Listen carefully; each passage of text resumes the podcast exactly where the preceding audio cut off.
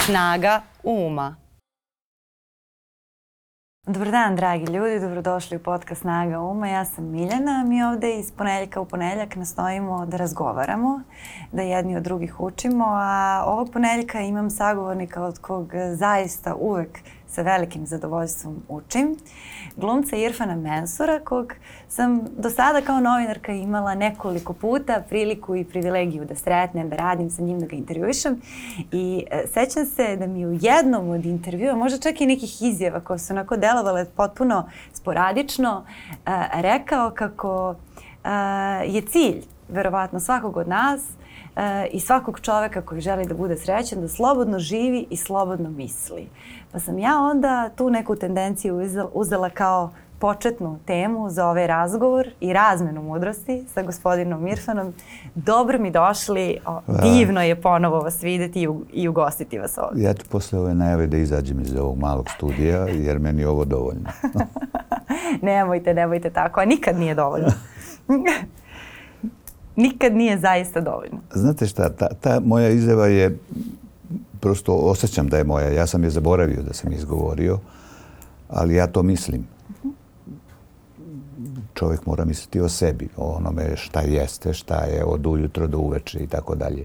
Juče sam bio na e, nekom razgovoru povodom nove godine, pa su na kraju razgovora tražili da kažem gledaocima te televizije e, poruku za 2023. godinu ja nisam hteo da im udovoljim. Zato što sam rekao mogu da pošaljem poruku za 1. januar 23. godine. I za drugi, i treći, i za svaki sljedeći dan. Jer ja mislim da mi svi moramo živjeti od dana do dana. Da moramo dan ispuniti, a ne godinu. Zamislite kad bi ja sad računao na 23. godinu kao godinu nekih prevrata mojih u životu, privatnih ili poslovnih. Ne. Ja danas imam zadatak da budem eventualno šarmantan i eventualno pametan u ovom razgovoru sa vama. to mi ne je znam završeno. Šta će mi, ne znam šta će mi uspeti. Ovaj, ali e, moram da idem kući i da znam, da moram da radim na nekom malom tekstu jer sutra e, putujem i nešto snimam. Tako da taj to su tako male sitnice kad čovjek izgovori, koje su de facto beznačajne, jel? Ali tako se stvara dan, tako se stvara život, tako se stvara neka energija koja, koja se prenosi u taj dan. Ja tako živim. Ja živim za sutrašnji dan, živim za povratak u Beograd preko sutra, živim za predstavu koja će biti preko sutra uveče, pa me čeka automobil posle predstave, ispred pozorišta, da me vraća ponovo daleko, daleko nekih 300 i nešto kilometara od Beograda, ponovo na neko snimanje. E, kad tako organizujem život i kad znam da radim stvari koje mi nisu naporne, koje mi čine zadovoljstvo, onda te neke sitnice koje su stvari beznačajne kad se izgovore, meni čine život potpuno ispunjenim. A da ne pričam o tome da Postoji nekoliko ljudi u mom životu sa kojima se čujem, vidim, e, popijem piće ili ručam ili večeram, a mnogo su mi dragi. Ja se trudim da budem i ja njima drag. I onda tako se, tako, se od tih stvari, stvari koje se čine beznačajnim napravi nešto što je značajno. Meni bar. Ne znam da li je vama tako u životu. Ja mislim da je to cilj. Pa, cilj Da je to cilj da je to danas veoma veliki izazov. E, zato što je nama veoma lako da budemo uzbuđeni zbog tih nekih velikih stvari, zbog velikih životnih koraka i nekih tako abstraktnih čak i kada pogledate ovako dnevne događaje, ljudi će da se svađaju oko velikih ideja, a neće da obave domaći na tom dnevnom nivou. E, I možda je ta, to pronalaženje entuzijazma u tim dnevnim stvarima i u obavljanju onoga što treba sada ovde velika mudrost. Pa, velika mudrost je e, ispuniti dan e, malim uspesima. Uh mhm. -huh. Znate, ja kad napravim spisak u glavi, da moram recimo sutra ujutro kad se probudim da odradim sve ono na što sam navikao, dakle, osim neke lične higijene i kafe i, i ovaj, razmišljanja o onome što sam isplanirao. Pa kad ispunim e, taj dan sa svim tim tačkicama koje sam ja zacrtao ujutro, ja sam uveče srećan čovjek. To su potpuno beznačajne tačke. To je odlazak u banku, plaćanje računa, E, odlazak do pozorišta, da vidim neke ljude s kojima obavim neke razgovore koji su mi važni. E, to je odnošenje veša na pranje. To je e, biranje tog dana koju ću brojanicu da uzmem u ruke i onda smislim da će ta brojanica da mi donese dobru energiju. I da se slaže u ceo stilski koncept i outfit po kojima ste specifični. Da? I da se slaže. Tako, to su stvarčice koje koje moramo iskoristiti da bi e, ovo života što je ostalo, ja ipak imam 70 punih, za par dana 71. I ja sam u onom periodu života kad više ne jurim karijeru, nisam više u grču da se dokazujem. Ja sad samo mogu da uživam. Pa čak i u sebi. U smislu šta ostavljam iza sebe. Jednog dana kad me ne bude. Ostavljam tri sina, tri časna čoveka. Ostavljam već jedno unuče, možda ću doživjeti i drugo, treće ili četvrto. Ostavljam neko brendirano ime. Kad kažem brendirano ime, to zvuči suviše ne, nije brendirano ime. Ostavljate lik i delo recimo nešto, ostavljam ime Irfan Mensur za koji većina ljudi zna, zna, zna čime se taj Irfan Mensur bavio. Ostavljam ljude koji su me cenili i ljude koji me ne cene, ali to je deo našeg posla i ja pristajem na to da postoje ljudi koji me ne cene i koji prosto odbijaju mene kao neku javnu ličnost, odnosno glumca, odnosno reditelja, odnosno profesora, odnosno i tako dalje i tako dalje. A, e, sad ste rekli nisam više u Grču da imam potrebu da se dokazujem, sad, sad mi je posao na neki način da uživam. kada ste zaista počeli da uživate? Je vam bilo potrebno da se dokažete? E, koliko vam je vremena i životne škole trebalo da dođete do te tačke zrelosti? Pa znate šta, e, malo, malo su čudni ovi ljudi koji prate recimo kulturu.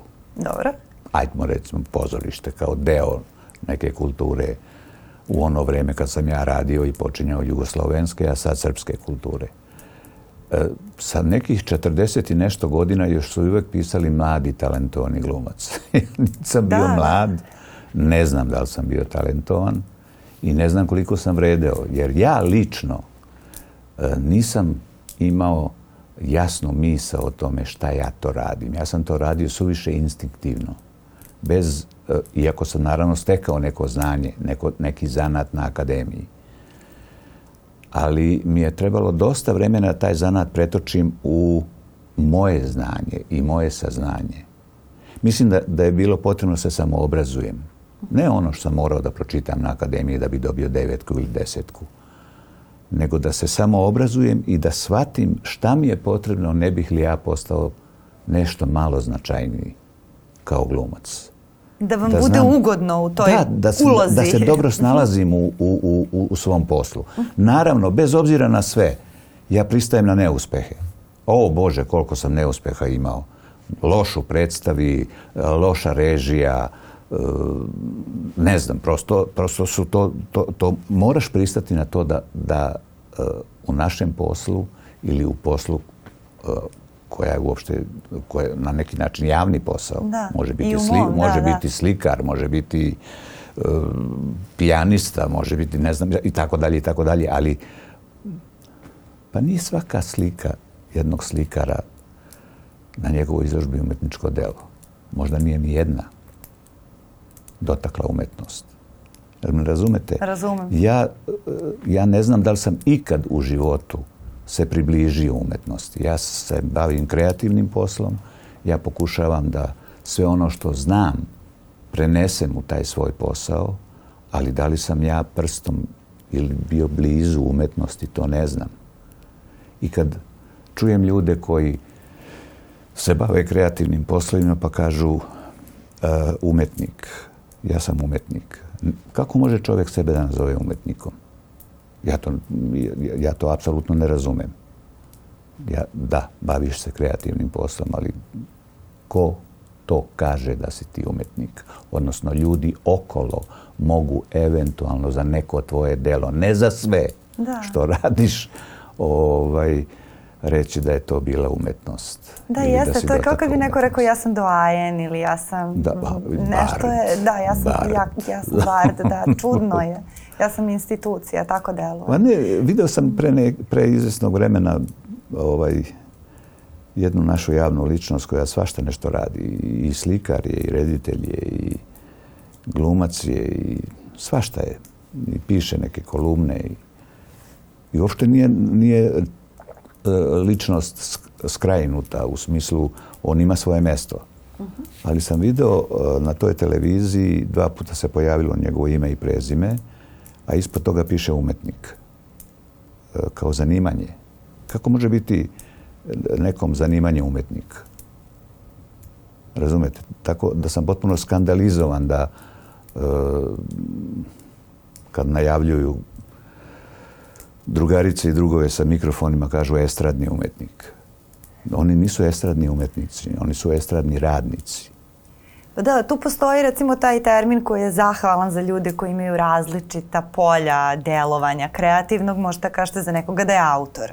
Ako je i kolumnista i pisac i slikar i ovo i ono, onda je on autor na raznim nekim poljima, Jeste, recimo. I onda sad, to, to, to bi onda možda bilo malo... Malo sam protiv, protiv zanimanja umetnik. Eto, to je suština ovog malog Da, jeste umetnost i nešto što se dešava između dela i, i, i, i publike i onih koji... I, I priznanja nekih ljudi koji su relevantni da eventualno proglase to delo umetnošću.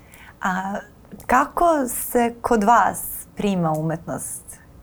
Kada vi znate da su prisustvu umetnika ili umetnosti? Pa, to je očigledno individualna stvar. Pa jeste, zato sam i pitala vas. Znate, vi možete da uzmete ovaj, neku monografiju ili, ili ne znam, neku knjigu prepunu ilustracija e, svih mogućih slika nekog muzeja i da gledate te slike, ali vam neke tri slike za, zauzmu pažnju. Za neke tri slike e, kažete, Bože, ovo je neki svet koji me potpuno fascinira, jel? ja lično onda smatram da je verovatno to umetnost.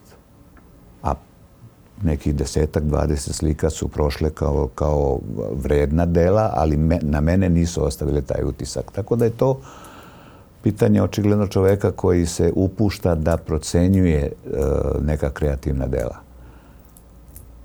Ne znam da li bi se usudio da javno e, iznese mišljenje, ah, to je umetnost. Bio bih malo suviše narcisoidan mhm. da ja sad određujem da, šta je umetnost. Dobro, da, možete da kažete recimo šta, vas je, šta je vas, ne, Dešava mi se i to vrlo, vrlo e, se divim tim ljudima i to im kažem.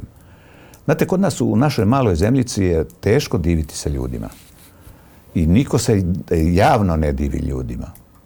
I niko to ne izgovara, jer to je kao, Bože, ma šta ja imam njemu da se divim? Ne. Prelepo je kad vidiš kolegu koji je na sceni, govorim svoje lično mišljenje i ja ostajem fasciniran šta je on uradio. I naravno da ćemo prići ja, ja, ću mu prići, mnogi neće, i reći ću mu, čoveče, divim ti se. Zaista ti se divim, sjajno si to uradio. Redko se to događa da ti neko priđe i da se otvori potpuno pred tobom i da ti salve komplimenata izgovori. Svi ti čestitaju, sve je to divno i krasno, ali mislim da ta instanca divljenja e, još uvijek je nekako pobegulja. neće ljudi da ti se dive. Jel? Da, a zapravo se u tom, e, ovaj, u tim nijansama krije isto jedna predivna razmena i jedno oslobađanje. I... Znate, meni se desilo, ja, više ne mogu. Mhm.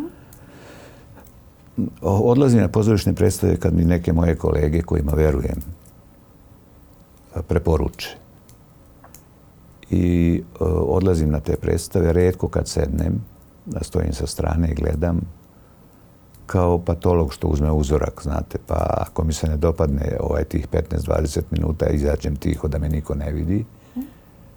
Ali mi se recimo desilo pre izvestnog broja godina da sam tako došao na jednu predstavu sa nekim odnosom da sumnjam da, da je napravljeno nešto dobro. Stajao sam sa strane i počela je predstava i meni je polako moja vilica padala od lepote. Nisam mogao da verujem da se to događa na sceni ispred mene. Naravno da nisam izašao, naravno da nisam mogao ni da sednem jer je već bila premijera, ali sam poslije toga otišao u salon pozorišta i trepereći prilazio glumcima i reditelju i izgovara upravo to. Ljudi, ja vam se divim. I zaista sam to mislio i predstava je zaista doživjela divljenje ne samo te, tu noć, nego i dan, dan danas živa i dan danas e, se igra i putovala je svuda i dobijala nagrade i ti glumci su dobijali nagrade i predstava je hvaljena i tako dalje i tako dalje. Bio sam presrećan što se tako nešto dogodilo.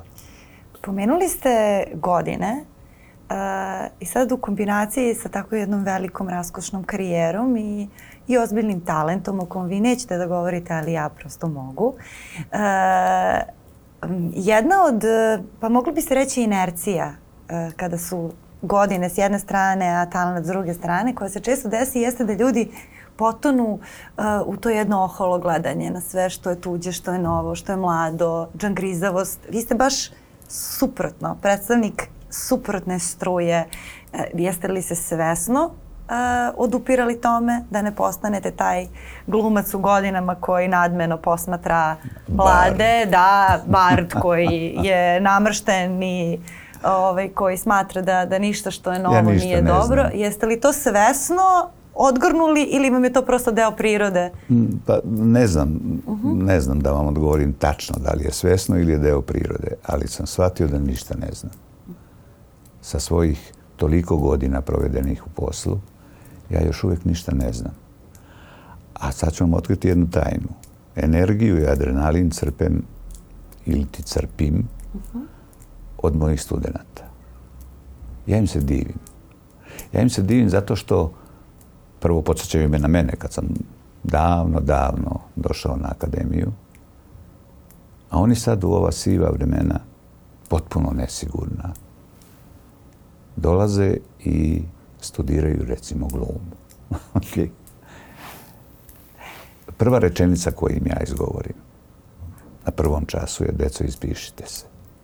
Naravno da me gledaju potpuno zbunjeno i onda shvate da se profesor šali pa ha ha ha I ja zaista mislim da su to hrabri mladi ljudi. I ja te hrabre mlade ljude podstičem da ostanu takvi ceo život. Jer ja nisam više mlad, ali sam negde u, htenju, ne u potvrdi mene kao mene, ne u karijeri, ah, sad ću napraviti karijeru, to, me je prošlo. Ali e, i dalje želim da sve što dotaknem pretvorim u eventualno nešto kreativno eventualno. Dakle, ne mogu sebi da siguram, ne mogu nikom da siguram da će, biti, da da, da će rezultat biti ovaj, iznad nule ili ispod nule. Jer takav nam je posao. Ja, ja mogu da se trudim koliko god hoću.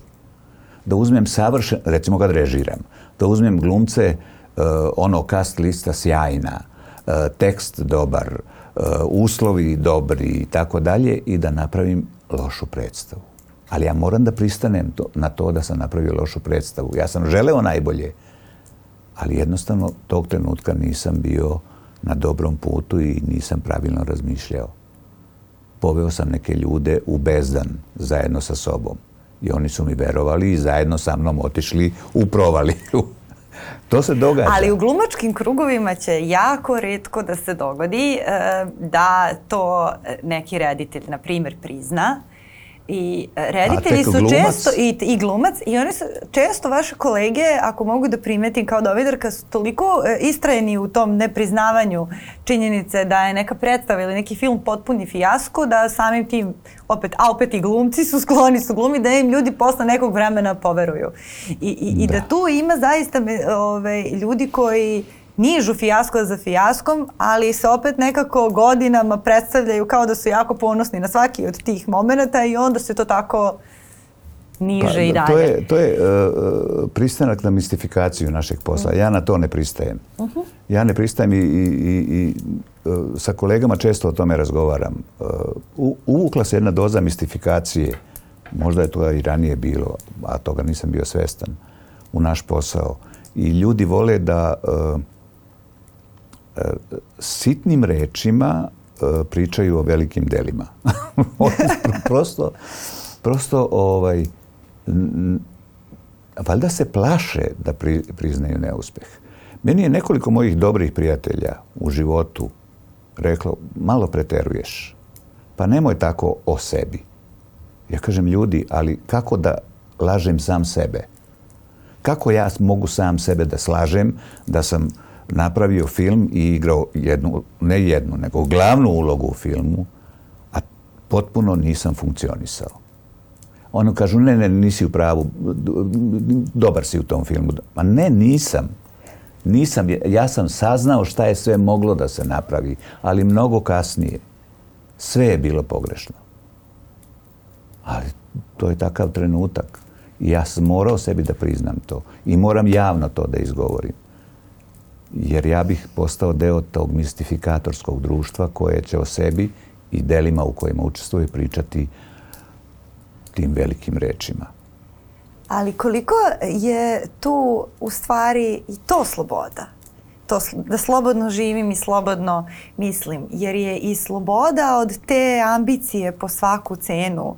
Od toga da ja moram biti bard da moja svaka mora biti spektakularna i to je možda ultimativna sloboda. Jer ljudi koji su na neki način zarobljeni u tome da oni moraju biti neko ime, nešto veliko, da to mora da grmi, to je u stvari možda jedan grč koji isprečava igru i ko zna šta sve se izgubi u tome. Izgubi se igra, to je tačno. Izgubi se igra. Ja sam sad, ja sam sad prihvatio i bila je premijera pre mhm nema ni mjesec dana. Prihvatio jednu ulogu u jednom pozorištu samo zato što sam osjetio da sa tom ulogom mogu da se vratim na svoje početke. I predložio sam reditelju rešenja koja su bila e, razigravanje jedne uloge. Ne pravljenje te uloge, nego razigravanje te uloge. Mhm i on mi je poverovao i ja sam, čini mi se, napravio, čini mi se, napravio jednu ulogu koja mi je značila meni privatno mnogo, jer se igram i razigravam, jer sam se vratio tamo gde sam, odakle sam krenuo, a to su neke mladalačke sulude igre i igrarije, a sve to prouzrokovalo očigledno jednu ulogu koja je zapažena, što mi je vrlo milo. Ne zato što su sad potvrdili da ja umem, nego zato što sam očigledno tog trenutka dobro mislio. Dakle, meni je drago da sam, ajde, dobro sam mislio, sad mi ljudi to potvrđuju. A samo sam uradio zato što sam osjetio da mogu da se igram. To je ta priča o karijeri u smislu meni ne treba više karijera. Ima jedna lepa anegdota mhm. kad je Bogdan Diklić išao u penziju i onda me nagovarao da iste godine odemo u penziju, iako on nešto ovaj, mlađi od mene godinu dana. Ja sam odbijao dok ne budem potpuno ono, kao zreo za penziju, u smislu i godina i službe i, i godina života i tako dalje. I onda kad smo obojica postali penzioneri, sljedeće godine smo sedeli, pili kafu, on kaže, slušaj da ti kažem, ja više neću da prihvatam ulogu više od 17 replika. Kaže, dobro. Kako je došao do tog broja? Pa, eto, izmislio je broj 17. 17 replika, to mi je dovoljno, jer ipak Bogdan Diklić, jel, postoji kao ime i prezime, ne treba se dokazati. 17 replika, tek toliko da ostane u komunikaciji sa kolegama, da ostane u komunikaciji sa pozorištem, sa javnošću i tako dalje i tako dalje. I završavajući kafu ja sam rekao, vidiš to ti je odlična ideja odlična ideja, ali ja ću da e, radim ulogi od 19 replika. Kažem, zašto ti od 19, ja od 17? Pa rekao, zato što sam ja prva kad ti si epizodista. Jao! Naravno, šalili smo se na tu temu i tako dalje i tako dalje. E, to je, ta, to je ta priča ljudi koji su preko kojih je prošlo sve. Da. Preko mene je prošlo, ja sam to slučajno saznao jer su sad osnivali sindikat koji se bavi autorskim pravima zbog ovih prikazivanja po televizijama, reprizama silnim i tako dalje i glumci su se osvestili i sad se osniva, odnosno osnovan je sindikat i te svi javni nastupi kao što su e, muzičari to davno uradili će na neki način biti e, vraćeni u nekom iznosu tim ljudima koji su kao autorska prava, jel? koji su učestvovali u tim repriznim emisijama. I onda su mi zatražili spisak e, uloga što televizijski, što filmski. Ja sam rekao, ljudi, pobogu i za Boga, ja to nemam pojma. nemam kako da mogu da znam šta sam radio za ovih 50 i nešto godina. Kažu oni, pa ima jedan ovaj sajt IMBD, čini mi se. Da, kao, IMBD, da. Jeste, ukucaš to i kaže, tu imaš sigurno, kaže, 95%, možda i 99% onoga što si radio. Neverovatan sajt.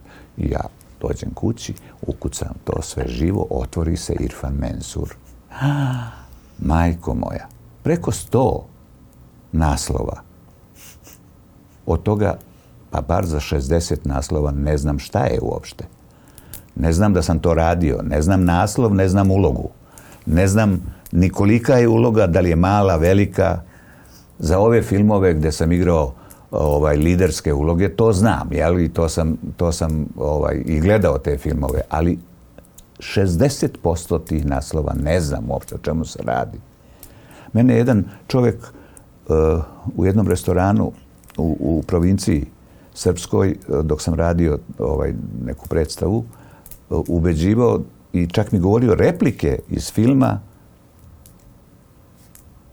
ja kad gledam belo, ne znam što taj sa čovjekom, mlad čovek. I kaže mi, izvine, šta? Pa kaže, to, si ti govorio u filmu. I kaže mi, izvini, ja nisam, koji je to film, kakav film, koji... Pa to se radilo tu blizu ovdje, pa zato sam vrlo zainteresovan bio za taj film i tako dalje i tako dalje. Pa mi reče ime reditelje, pa mi reče naslov filma, nemam pojma da sam igrao u tom filmu. Rekao mi i ulovu koju sam igrao, vrlo jedna značajna ličnost nije velika uloga. Ja kažem, ne, ne, pa izmišljam, ja, ja se ne sjećam. E, čekaj, čekaj, sad ćeš da vidiš, onda okreće telefon nekog svog prijatelja isto koji je filmoman. Evo, sedim sa Irfanom Mensurom, nećeš mi verovati. Kaži, molim te, evo, evo ti ga, evo ti ga, kaži mu, molim te za, za ovaj film. onda, onda mi čovjek, neki njegov prijatelj, koji isto tako voli domaće filmove, izgovori ko je režirao, kad smo snimali, izgovori mi šta sam igrao i tako dalje i tako dalje. Ja nemam pojma. I ja masu od tih stvari čak nisam ni video. Ne zato što nisam hteo, nego zato što se, e, e, smo se razišli u terminima. Prikazivanje i ja. Ja sam bio na drugom mestu, premijera je e, to veče ne znam gde i posle toga ko zna kad ću vidjeti taj film. Televizija opet uveče ja sam u pozorištu ili sam na putu ili tako dalje. Tako da dosta stvari nisam vidio Ali ima nečeg oslobađajućeg u tom, u tom konceptu i to je ovaj život dan po dan malo, a ne sada da e, živim u, ranijim ulogama, u tome da sam sam hroničar svojih e, e, svog lika i, i djela. da, uživam, uživam u sebi. ili, ili, što, ili još plus to uživam u svom nekom ranijem radu. Nego, ja samo znam, znam jednu stvar. Ovaj, tamo gdje sam igrao negativce, da? znam po komšiluku da je repriza filma bila. pa zato što ljudi doživljavaju, doživljavaju te, e, bar sljedećih nekoliko sati te doživljavaju kao tog negativca. Ja znam kad se prikazuje jedan film gdje sam igrao ovaj, tako jednog zločinca i ujutro jedna domaćica, ja kažem dobro jutro gospođo, ona okrenu glavu i ulazi u svoj stan i tačno sam znao da je prikazan i raspitao sam se tu noć je prikazan taj film gdje ja igram tog zločinca. Ovaj. Ali to je stvarno fenomen. Ljudi, ljudi se zaista, ljudi zaista poistovete e, lik i ulogu kod glumca i pa pozitivnu i negativnu i Ja razumem decu. Razumem decu. Ali ne razumem e, ljude koji, koji su već u nekim godinama gdje bi trebalo da se ovaj, shvati da, je to samo deo nečijeg posla. Jer ja kad dobijem ulogu, ja ne mogu da biram uloge e, pozitivaca koji će se smeškati sa ekrana, biti slatki, simpatični i šarmantni i ponekad i lepi. Mislim, to nikad nisam bio, ali prosto ima glumaca koji igraju na svoju lepotu, jel? Meni se opet moram jednu anegdotu da vam ispričam. Hajte, ja uživam, znate da uživam, meni je uvek zadovoljstvo. Kad sam snimao jednu e, prvu telenovelu e, srpsku, da? igrao sam e, glavnu ulogu u toj telenoveli, 120 epizoda. I ovaj, negativac, glavna uloga. Jo, sećam se te serije. to je baš bilo davno. Davno beše. Davno, ima tome i 15-20 godina. I dovode meni na snimanje, odnosno dovode na snimanje jednu glumicu, e, dvoje dece su izabrali iz neke e, grupice, ove deca što se bave glumom i tako dalje i tako dalje. E, ona je kao majka koja dovodi svoju decu i moli me za pomoć jer ona teško živi i tako dalje i tako dalje. I to je već poodmakla serija, recimo 50-60 epizoda, ja sam, ah Bože moj, taj negativac koga koga niko ne može očima da vidi, uvode e, u sobu ovaj, tu glumicu i to dvoje dece. I ja kažem, e, zdravo, zdravo, nju sam površno poznavao, zdravo, kako si i tako dalje. U, gde ste vi, klinci moji? Deca počinju da plaču. Ali da plaču ne samo sa suzama, nego sa... šta je bilo?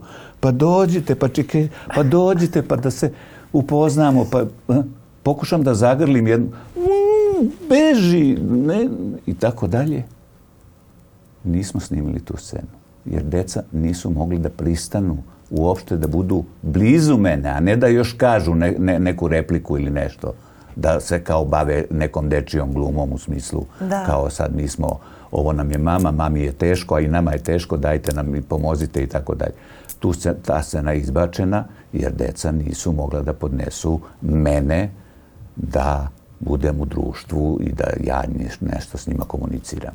to, to je veliki fenomen. Tu čak postoji anegdota za Anđelinu Žoli kad je igrala Grdanu pošto ona igra tu vešticu da. sa rogovima i to je kostim posebno onako specifičan, ali to su milioni, stotine miliona koštaju setovi, da uopšte nisu mogli da nađu od silne te dece koja su bila na castingu, ni jedno dete koje je malo i neće da se prestravi, jer valjda treba devojčica da da je uhvati za rogove i da se nasmeje i onda je na kraju došla njeno dete kao jedino dete. Koje je mama, šta da, si to na glavu? Da, koje se nije, da, to, je, to je bila anegdota sada da li je to istina ili pa, oni to napravili, ali za tako malo dete od dvije, tri godine vrlo lako može da se desi jer, eh, jer tu, ali to se dešava i odraslim, odraslim ljudima. Znam da je bilo, sad si nećem više koja je serija u pitanju, ali jedan vaš kolega je imao napad, nekoga je napao nožem na ulici zato što je on iz lika u, u nekoj seriji koja se dešavala glumio nekog grubijana na koji nekoga napadne, pa, ubije, šta već da, rade. Ljudi, u serijama svašta rade. Na,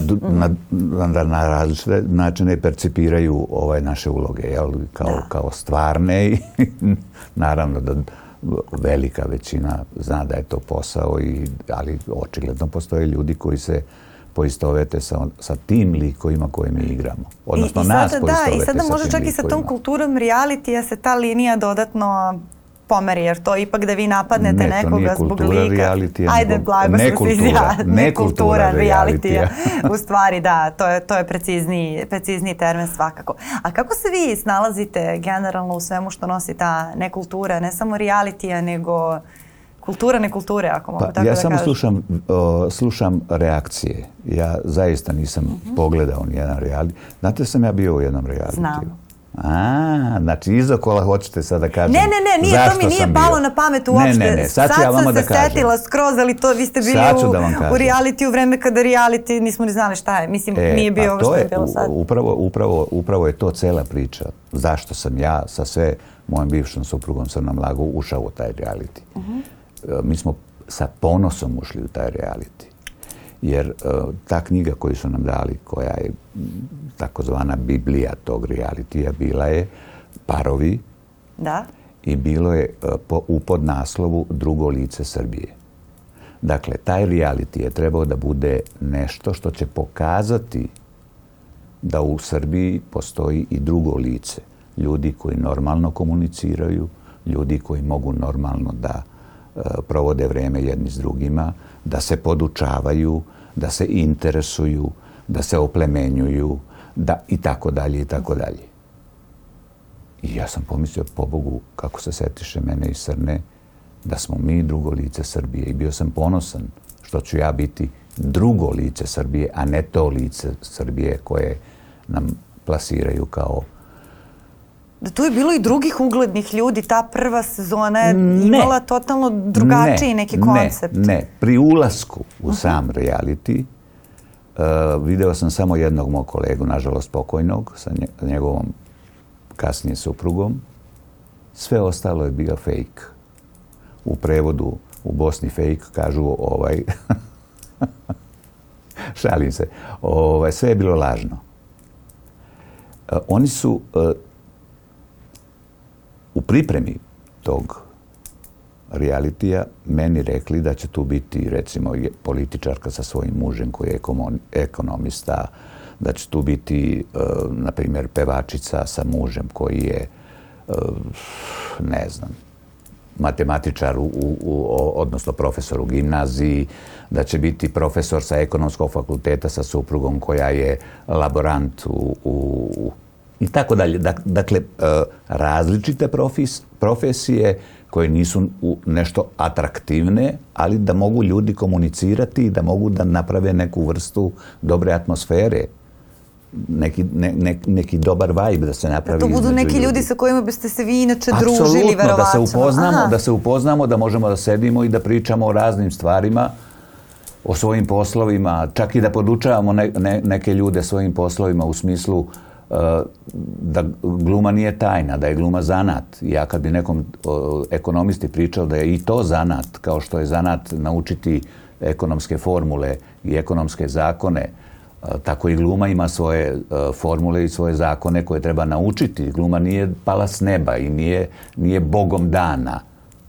Dešava se i to kod e, onih ljudi koji nisu ovaj, školovani glumci, ali vrlo redko i sve ređe i za par godina neće postojati glumci koji nisu završili ovaj, akademije i fakultete.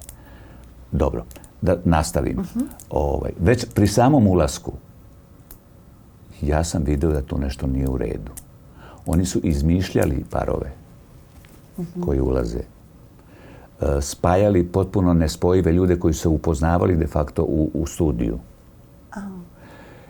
I kad smo shvatili da je to nešto lažno. Mi smo istog trenutka u roku od 24 sata i Srna i ja zahtevali sastanke s producentom i odnosno producentima da izađemo iz svega toga. I nama je trebalo, iako smo znate ono, gledaoci glasaju čuda, frke i tako da kako to već biva u tim realitima. i ja bili daleko na, na, na, na prvom mestu. Ovaj, ne znajući publika ono što smo nas dvoje uradili. U to vrijeme je bio zemljotres u Kraljevu. Da. I mi smo, srna, nagrada je bila ogromna, recimo pola miliona evra za one koji, za par koji pobedi. Mi smo se unaprijed odrekli nagrade. To nije smelo da se izjavi u programu, da ne bi na taj način pridobili publiku. Mi smo dali jedno pismo producentima, jedno pismo, odnosno sve smo radili preko e, jedne advokatske kancelarije koja ima svoje jednog vrlo, vrlo poznatog advokata, da se e, trećina e, da ljudima u Kraljevu za obnovu Kraljeva i porušenih kuća i tako dalje i tako dalje, da trećinu tog, te ogromne cifre advokatska kancelarija podeli Eh, najugroženijim porodicama u Srbiji u smislu eh, nemamo leba da jedemo, eh, nemamo drva da se ogrejemo i tako dalje i tako dalje. Dakle, u to se mi ne bi petljali i trećina ide domu za nezbrinutu decu u Zvečanskoj ulici. To je bilo pismo koje smo mi ostavili producentu. S tim da se to ne objavljuje. Dakle, mi nismo tamo ušli da bi zaradili novac, nego smo ušli da bi eventualno pomogli, ako pobjedimo, pobjedili bi sigurno da je to bio neki logičan. Nije bio logičan reality. I mi smo uspjeli da pobegnemo posle 21 dan.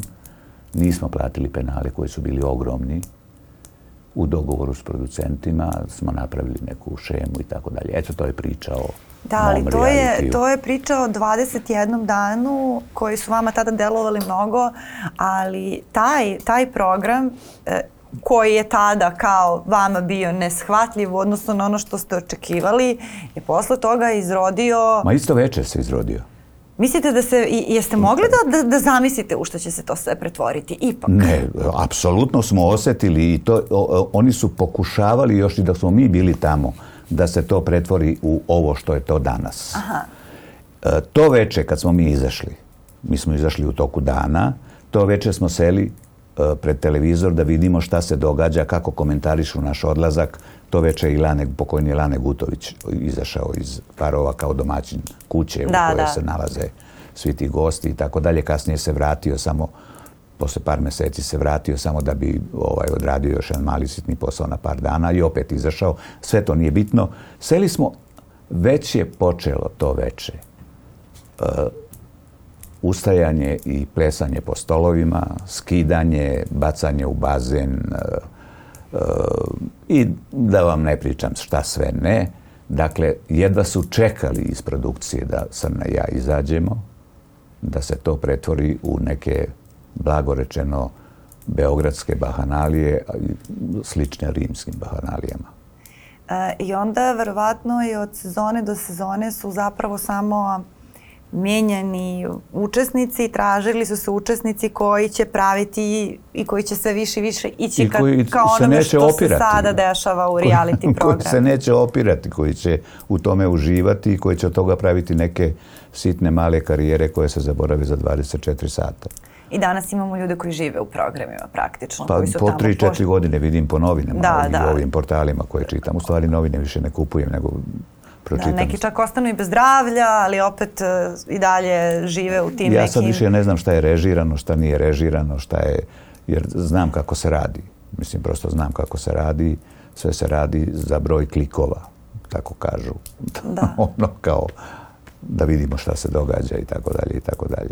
Dobro. Ali kako se, vi snalazite, sem što, što posmatrate ljude u ovom vremenu, sad i kako privodimo ovaj razgovor kraju, to jeste jedan, eh, da kažem, ozbiljan teg eh, svakome ko želi da slobodno živi i slobodno misli kada eh, postoji taj subjektivni osjećaj da smo ipak mi sa našim malim svetom koji se trudimo da uredimo lepo i da kroz njega idemo radoznali da smo okruženi ljudima koji se više liče na zveri jer se opet ugledaju na neke ljude koji se trude da budu što veće zveri? Pa znate, ja tako brzo zaboravim loše. I moj život se pretvorio u e, pokušaj da e, to loše, da se čak ne prisjetim tog lošeg.